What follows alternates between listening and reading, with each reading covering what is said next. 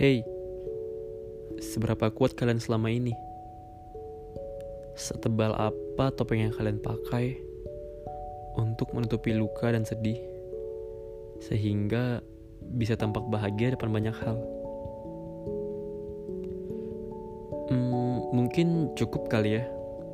Coba deh pergi ke satu titik pojokan atau sisi lain di mana diri sendiri bisa menertawakan sedih dan bisa berekspresi terhadap apa yang selama ini ditutupi.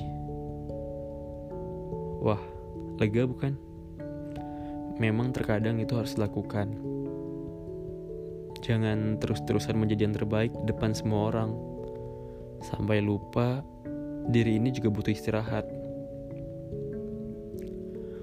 Dan balik lagi, memang terkadang tidak semua orang menghargai prosesnya. Mereka lebih suka akhirnya. Ya sudahlah, emang begitu adanya. Jalani saja.